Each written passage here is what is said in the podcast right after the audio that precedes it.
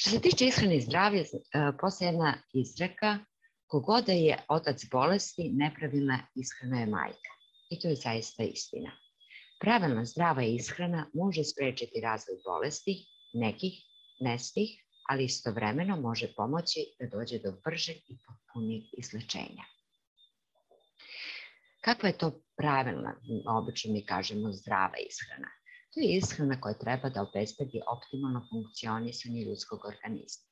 Optimalan rast i razvoj, optimalan mentalni i fizički rad, odsustvo bolesti i uspešniji borbu sa bolestima, dugovečnost i ostavljanje zdravog potomstva. Znači sve ovo treba da obezbedi pravilna ishrana.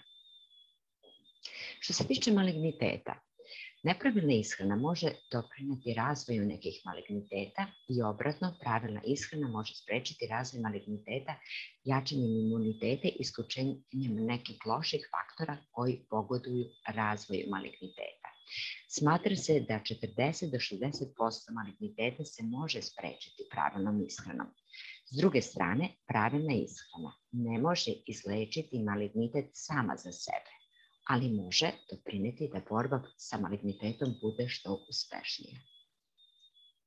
Koji su to maligniteti najviše povezani sa nepravilnom ishranom? To su uglavnom maligniteti digestivnog trakta, debelog creva, usne duplje i grla, jednjaka i želuca, jetre i pankreasa.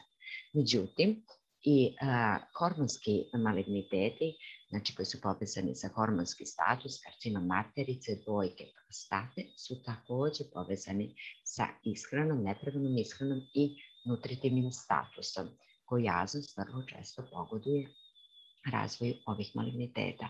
Takođe, karcinom bubrega je povezan sa a, ishranom zato što mnoge a, substance koje mi unosimo putem hrane se izlučuju kasni putem bubrega. Koji su faktori ishrani povezani sa razvojem maligniteta? Najpre to je hiperenergetska ishrana koja dovodi do gojaznosti. Pored toga preveliki unos masti i posebno zasićenih masti i šećera, znači odvojeno od gojaznosti takođe i ovo može dovesti, znači je povezano sa malignitetom. Preveliki unos prerađene industrijske hrane takođe povezan sa e, malignitetom. Preterani unos alkohola i napitaka sa šećerom. Preterani unos životinskih namirnica, pogotovo cr crvenog mesa i masnih vrsta mesa i suhomesnatih proizvoda. Nedovoljan unos voća, povrća, integralnih žitarica, mlečnih proizvoda, binih vlakana, vitamina, minerala i antioksidanasa. Sve to može da pogoduje razne maligniteta. Dalje, koje još faktori utiču na razvoj maligniteta?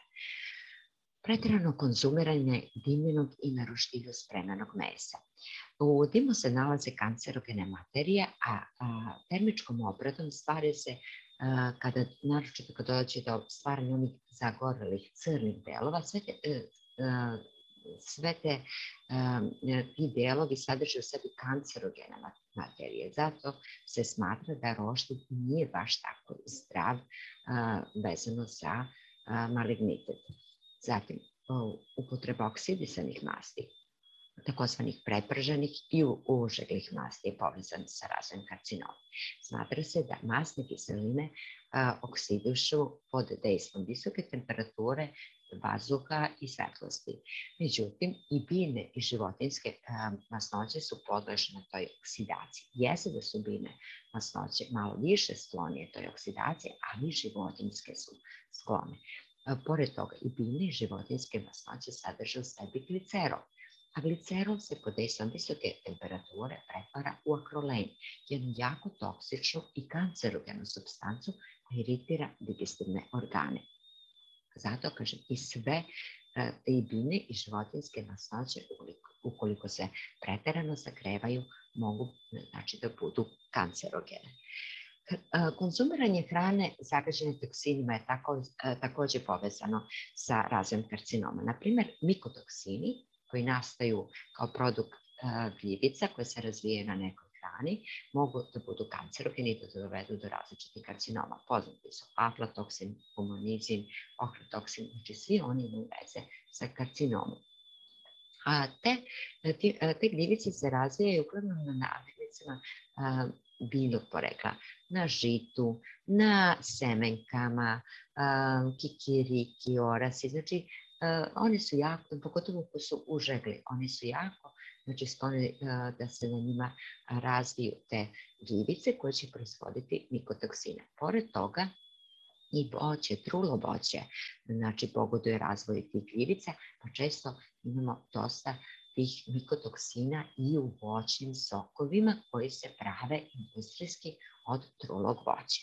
Što se tiče aflatoksina, koji se često nalazi u stočnoj hrani, koja je zagađena glivicama, ona se time što se daje stoc e, u mesu i mleku tih životinja akumulira se aflatoksin i onda može biti njegova koncentracija u mleku pogotovo povećana i smatra se da to jeste kancerogen.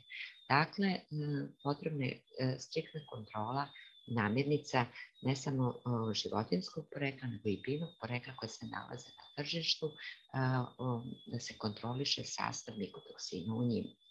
Konzumacija jako usoljenog mesa je takođe povezana sa razvojem karcinoma, upotreba određenih aditiva, te plijadu aditiva za koje se sada istražuje da li su, da li ne, možda potencijalno kancerogena dejstva, neka se sigurno zna nitriti i nitrati koji se dodaju svim namirnicama, mesnim konzervama, znači da, bilo da se to radi o, pečenici, dimljenom butu ili o salamama i paštetama, znači svuda se tu dodaje, dodaju nitriti i nitrati kao konzervansi, a oni su dokazani kancerogeni i konzumacija hiperhlorisane vode za piće i nekih pesticida takođe je povezana sa razvojem karcinoma.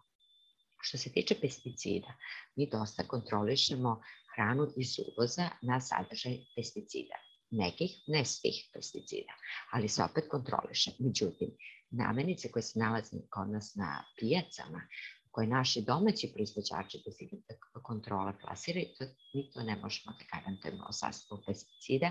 I jedna studija interesantna na vegetarijancima u Hrvatskoj je pokazala da vegetarijanci imaju mnogo veće količine pesticida u svom organizmu u odnosu na osobe koje nisu vegetarijanci.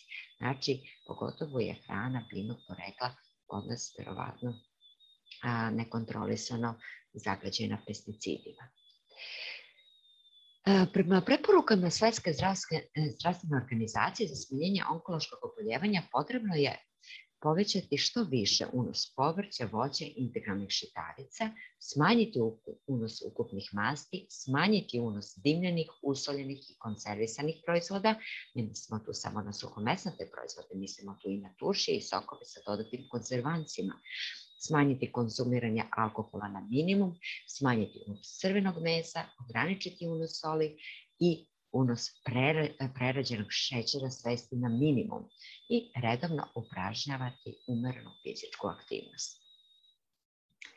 E sada kad već dođe do razvoja maligniteta, pravilna ishrana je važna pre, za vreme i nakon tretmana maligniteta. Bilo da se to radi operaciji, hemioterapiji, radioterapiji, transplantacije, terapiji, antitelom. Znači svuda je pravilna ishrana bitna. I sam malignitet i terapije maligniteta mogu da izazovu neželjne efekte koji loše utiču na ishranu, rad digestivnih organa i mogu da izazovu pothranjenost. Pothranjenost, mršavost, slabu uhranjenost, kako god zvali. I specifične nutritivne deficite, na primjer anemije se često javlja. Zato gubitak apetita, ošte, ošte, oštećenja digestivnih organa i povećane energetske potrebe su česti uzroci pothranjenosti i nutritivnih deficita kod maligniteta. Naime, maligne ćelije su jako proštrljive. One konzumiraju veliku količinu energije i nutrijenata iz našeg organizma. Na taj način naše zdrave ćelije imaju manje energije, manje nutrijenata i zbog toga naš organizam pati